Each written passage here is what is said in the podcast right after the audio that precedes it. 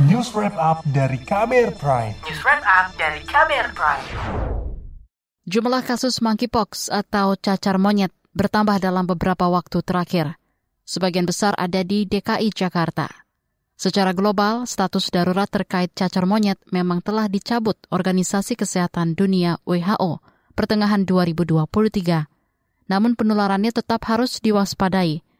Lalu, apa langkah yang harus dilakukan pemerintah? Berikut laporan khas KBR yang disusun jurnalis Astri Septiani. Organisasi Kesehatan Dunia WHO sempat menetapkan monkeypox atau cacar monyet sebagai kasus darurat kesehatan masyarakat pada Juli 2022. Itu dilakukan setelah cacar monyet merebak di lebih dari 100 negara. Cacar monyet ialah penyakit yang menyebar melalui kontak langsung cairan tubuh. Penyakit ini menyebabkan gejala mirip flu dengan lesi kulit berisi nanah. Setelah serangkaian upaya penanganan dan rekomendasi, status tersebut dicabut pada pertengahan 2023.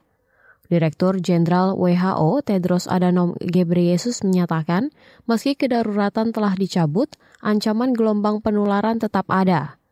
Peringatan yang disampaikan WHO terbukti. Per kemarin, sudah ada 10 kasus penularan monkeypox di DKI Jakarta. Kasus serupa juga pernah ditemukan di Jakarta Agustus tahun lalu.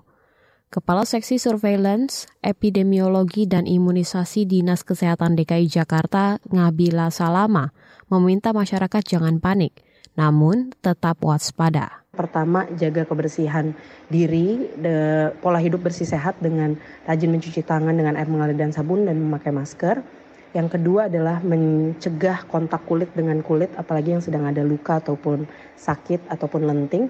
Yang ketiga, berhubungan seksual yang aman, sehat, dan bersih. Artinya ketika sedang bergejala demam atau memiliki gejala lain uh, seperti lenting, sebaiknya tidak dilakukan um, apa namanya kontak seksual dulu dan juga jangan melakukan kontak seksual yang berganti-ganti pasangan.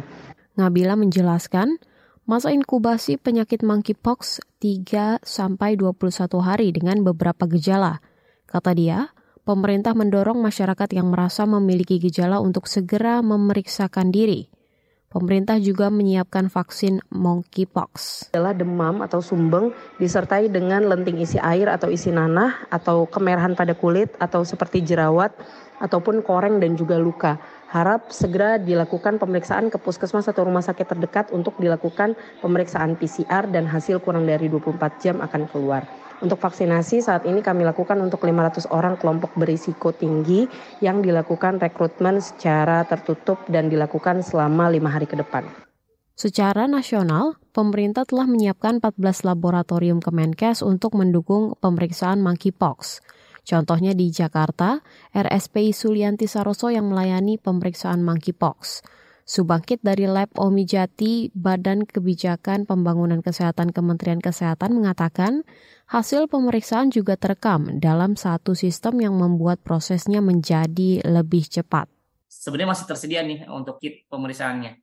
Jadi uh, nanti saya kira bisa bisa di, bisa dikirimkan ke dua lokasi ini kalau memang sekiranya uh, dibutuhkan yang lebih dekat saja seperti itu.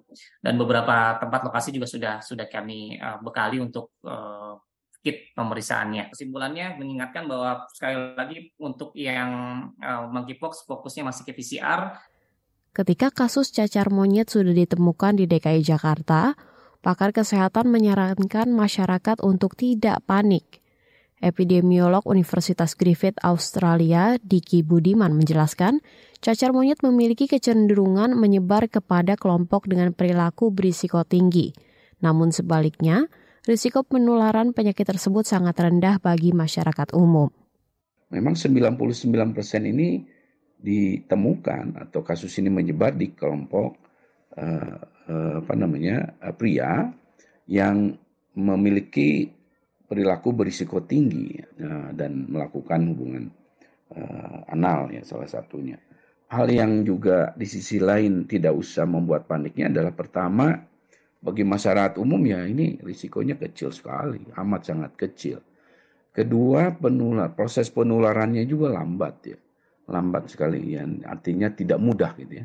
Diki juga menyebut penyebaran penyakit ini tak semudah seperti penularan COVID-19 Kata dia, monkeypox menular melalui cairan tubuh dan kontak langsung dengan penderita.